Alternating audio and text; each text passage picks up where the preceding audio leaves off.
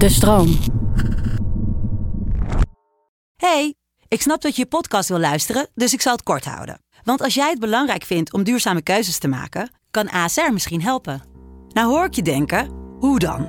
Nou, bijvoorbeeld bij het duurzaam herstellen van schade. Of de premies die we beleggen volgens ons duurzaam beleggingsbeleid. Dat bepaalt waar we wel en juist niet in investeren. Wil je meer weten over welke duurzame keuzes ASR maakt? Ga dan naar asr.nl slash duurzame keuzes. ASR doet het. Zo, dan kan je nu lekker naar je podcast luisteren. Hey, ik snap dat je je podcast wil luisteren, dus ik zal het kort houden. Want als jij het belangrijk vindt om duurzame keuzes te maken, kan ASR misschien helpen. Nou hoor ik je denken, hoe dan? Nou, bijvoorbeeld bij het duurzaam herstellen van schade. Of de premies die we beleggen volgens ons duurzaam beleggingsbeleid. Dat bepaalt waar we wel en juist niet in investeren. Wil je meer weten over welke duurzame keuzes ASR maakt? Ga dan naar asr.nl slash duurzame keuzes. ASR doet het. Zo, dan kan je nu lekker naar je podcast luisteren. quote ik Einstein even. Heb je lekker eh, voorbereid? af van de glimlach van anderen. Dat is mooi, toch? 10, 9,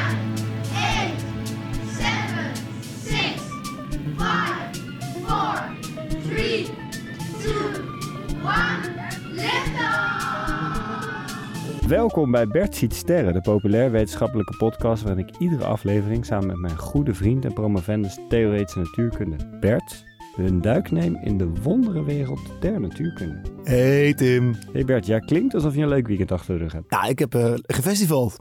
Eh, en daar wist je alles van, want eh, jij, jij ook. Dat was zeker, ik was daar ook bij, maar ik heb het idee dat het bij jou iets beter te horen is dat je daar was. Ja, ik ben ook gewoon dol op meezingen eigenlijk. Oh, dat is het. Je hebt de hele dag staan zingen.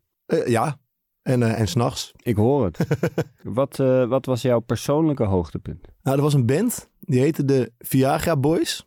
Dat klinkt heel fout, eh, maar was eigenlijk gewoon echt hartstikke lachen.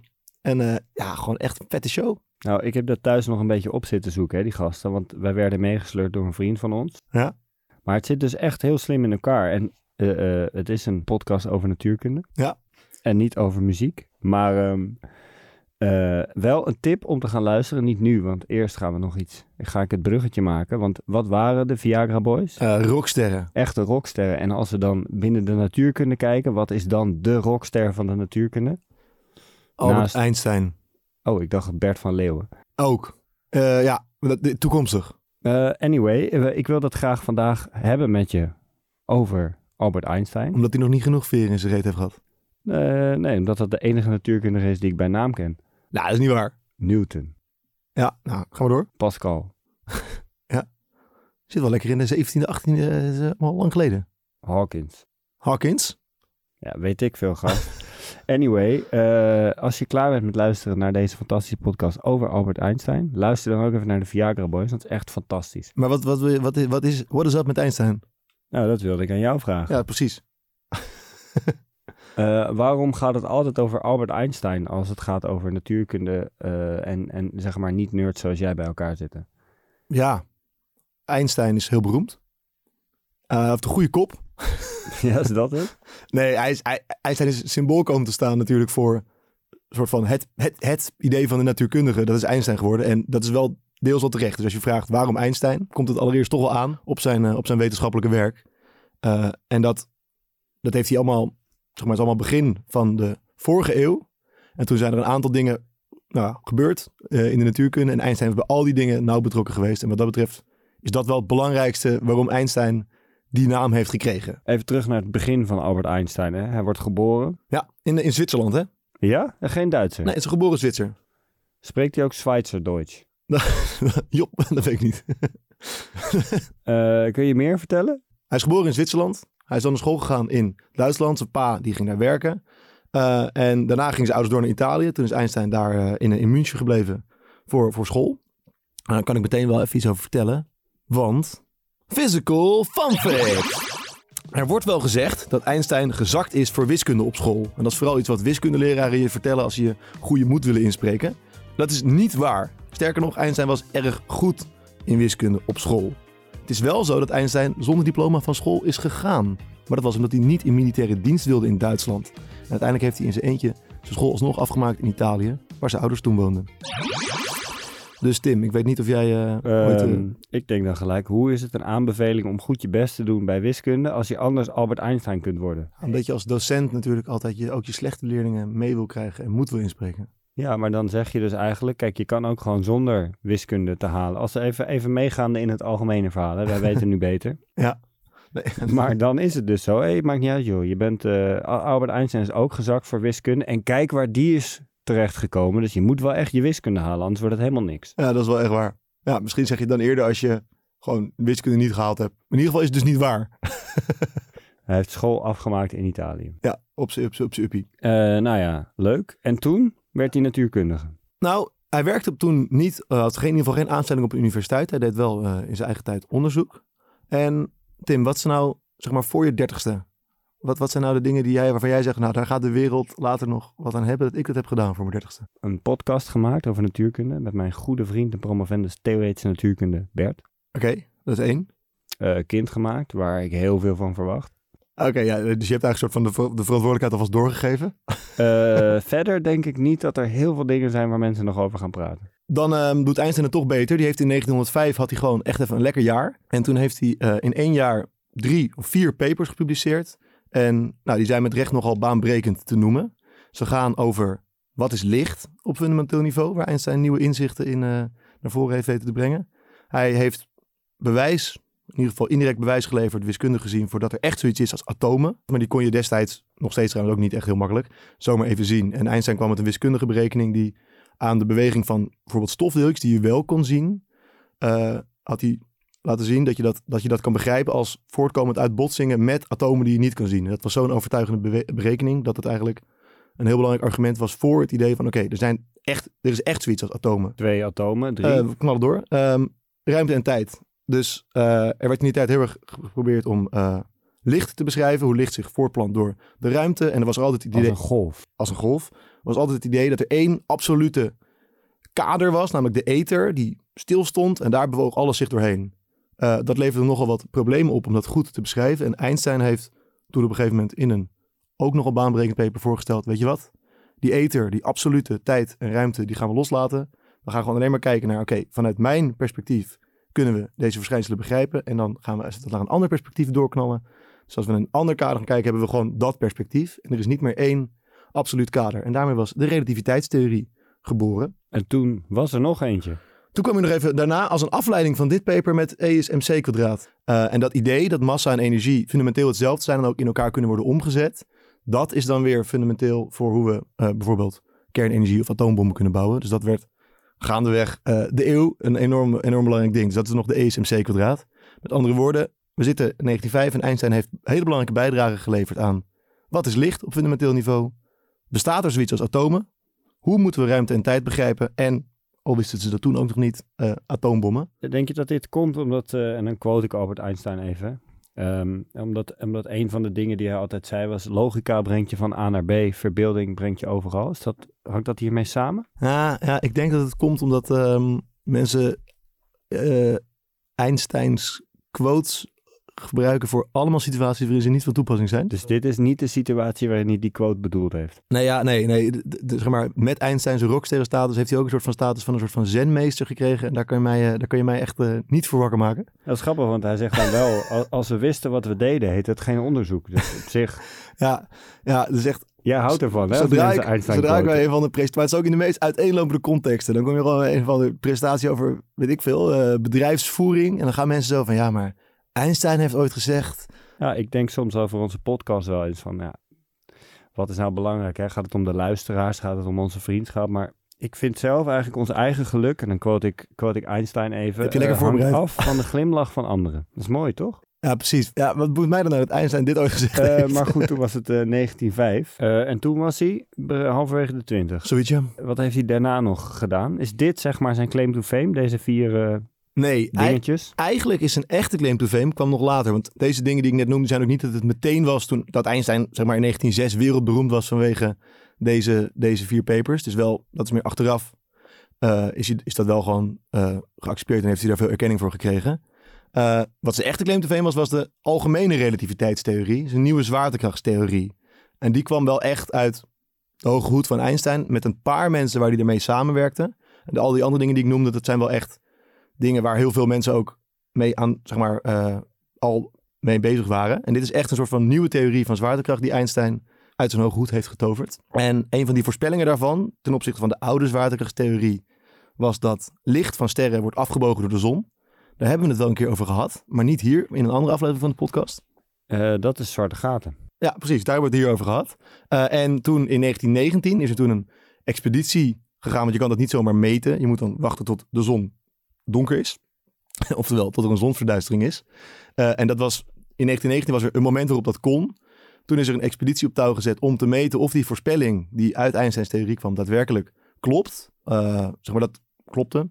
En dat was echt wereldnieuws. Dus toen, stond, toen, was, toen was Einstein, dat is wel echt zijn moment geweest dat hij de hele, zeg maar, wereldwijd echt een, een, een geworden is. Maar er zijn wel eh, ehm, meer natuurkundigen die wel belangrijke dingen hebben gedaan, toch? Het is meer dan zijn natuurkunde, toch? Wie Einstein maakt tot de man die die is. Het zijn ook quotes als, eh, en dan citeer ik even... eh, eh, doe nooit iets dat indruist tegen uw geweten, zelfs als de staat het verlangt. Dat zijn gewoon, dat overstijgt de Ja. natuurkunde wat mij betreft heel erg. Het is wel zo dat Einstein natuurlijk niet alleen maar, ehm, zeg maar, op een gegeven moment word je een rockster. Ik denk dat je of een icoon. Bij Einstein kan je wel stellen dat dat wel heel erg verbonden is geweest met zijn wetenschappelijke prestaties. Maar het was ook wel een heel markant uitgesproken figuur, met name op het gebied van, eh, van imperialisme en oorlog en pacifisme. Einstein was een, vanaf het begin heel erg uitgesproken voor Europese samenwerking en dergelijke. En dat was toen in die, in die wetenschappelijke Duitse context waar hij toen werkte, iemand die daar mee heel erg opviel. Terwijl hij, hij is ook iemand die zegt, een avond waarop iedereen het eens is, Hoeveel- is een verloren avond.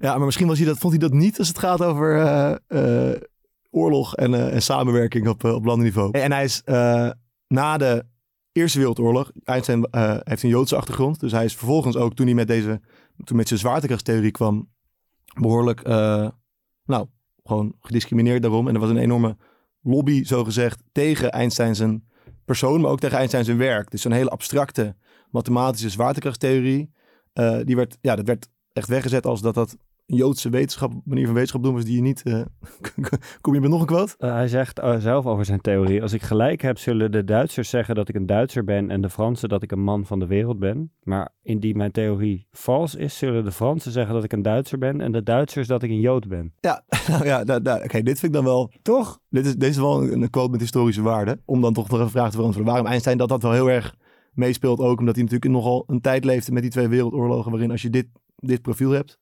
Hij had Dan- het ook makkelijk, zeg maar. Het is nu veel moeilijker om zo jezelf in de kijker te Nee, ik denk dat de historische omstandigheden een handje mee helpen. Waarom je dan zo'n figuur kan worden. Die in twee van die wereldoorlogen al zo duidelijk. Zo'n pacifistisch... eh, dat, eh, Het was dus eh, de natuurkunde van Einstein. Ja. Het was de persoon van Einstein en de mogelijkheid die de actualiteit hem in zijn tijd bood. Vele kansen van de wereldoorlogen. Ehm, ben je het eens met de status die hij heeft, zowel binnen de natuurkunde als eh, in de lekenwereld? Ja, op zich is het wel terecht dat Einstein zoveel lof heeft gekregen voor het werk wat hij eh, heeft gedaan. Dingen waar we net over, over spraken. Dat, eh, het was geen sinecure, zeg maar. Maar echt het soort van de status als de absolute, eenzame, briljantste natuurkundige ooit. Ja, dat, is misschien een beetje overdreven. Dus, dus daarin is hij wel, komt hij wel heel erg, komt het altijd wel heel erg aan op Albert Einstein, die, die het echt allemaal wel snapte.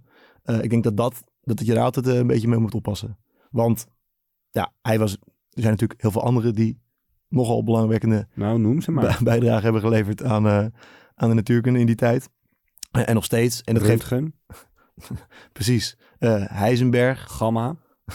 nee, nee, niet gamma. Ehm, maar dus ja, een, een beetje minder. eh, eh, is, het is goed om daar, daar, daar je bewust van te zijn natuurlijk. En ook wel omdat het een beetje de indruk wekt alsof natuurkundigen alles, alles in hun eentje doen. Omdat Einstein zo bekend staat als de grote theoretische wetenschapper. En dat geeft ook niet helemaal een eerlijk beeld. Want heel veel natuurkunde is veel meer samenwerking en heel zeg maar, rustig vooruitgang boeken met elkaar. En het is niet zo dat er de hele tijd Albert Einstein figuren komen die eens even de boel eh, helemaal opnieuw gaan uitvinden. Dus wat dat betreft wel terecht. Maar er zijn ook nog heel veel andere dan Einstein. Is dit ook een beetje de manier om, ehm, om je alvast in te dekken? Dat je zeg maar de kans dat jij zo beroemd wordt als Einstein. Ik gun het je. Ik Mhm. wil je, ik, ik help je graag. Ik, ik vraag me af of het ons gaat lukken. En dat je dan kan zeggen, nee, maar kijk, eh, de echte natuurkundigen, dat zijn natuurlijk mensen die gewoon gezellig samen in een kamertje, allebei een gesponsord t-shirt aan van de TU Eindhoven.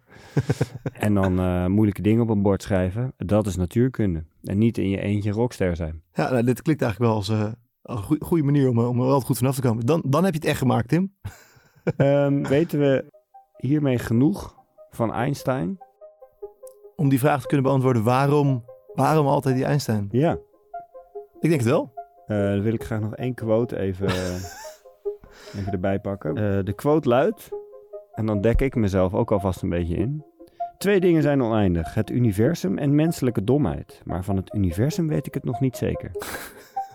dus dat indachtig stap ik in de Space Elevator. Ik start mijn supersonische sportswatch.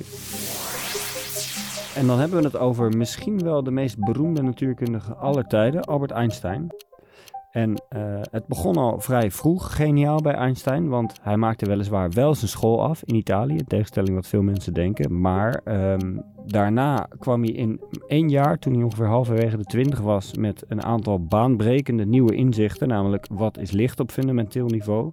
Bestaan er atomen en hoe moeten we ruimte en tijd begrijpen? En dat zou op zich al genoeg zijn voor een rocksterrenstatus, maar dat kwam pas echt toen hij tien jaar, tien jaar later met een nieuwe zwaartekrachtstheorie kwam. Die ervan uitging dat eh, tijd en ruimte relatief zijn en dat had hij theoretisch bedacht. En toen bleek het bij het waarnemen van de zonsverduistering ook nog echt te kloppen en dat was wereldnieuws. En het was daarnaast niet alleen zijn natuurkundige werk, maar ook zijn persoon die hem wereldberoemd hebben gemaakt. Hij was namelijk een uitgesproken en zichtbaar figuur. Hij was ontzettend pacifistisch. Hij sprak zich in de tijd waarin iedereen het ontzettend lachen vond om oorlog te voeren uit tegen oorlog. Eh, het was dus zijn persoon, zijn natuurkunde. En dan is de vraag tenslotte, is dat terecht? En ehm, ja en nee. Ja, hij is briljant, maar er zijn ook anderen. En het is in ieder geval niet de manier om natuurkunde bedrijven om een eenzaam genie te zijn.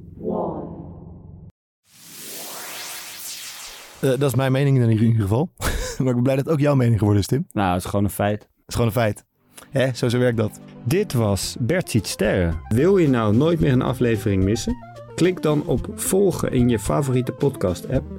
Dan komen de nieuwe afleveringen vanzelf door je brievenbus. En vergeet vooral ook niet, geef ons een recensie. Of eh, beter nog, geef Bert Ziet Sterren sterren.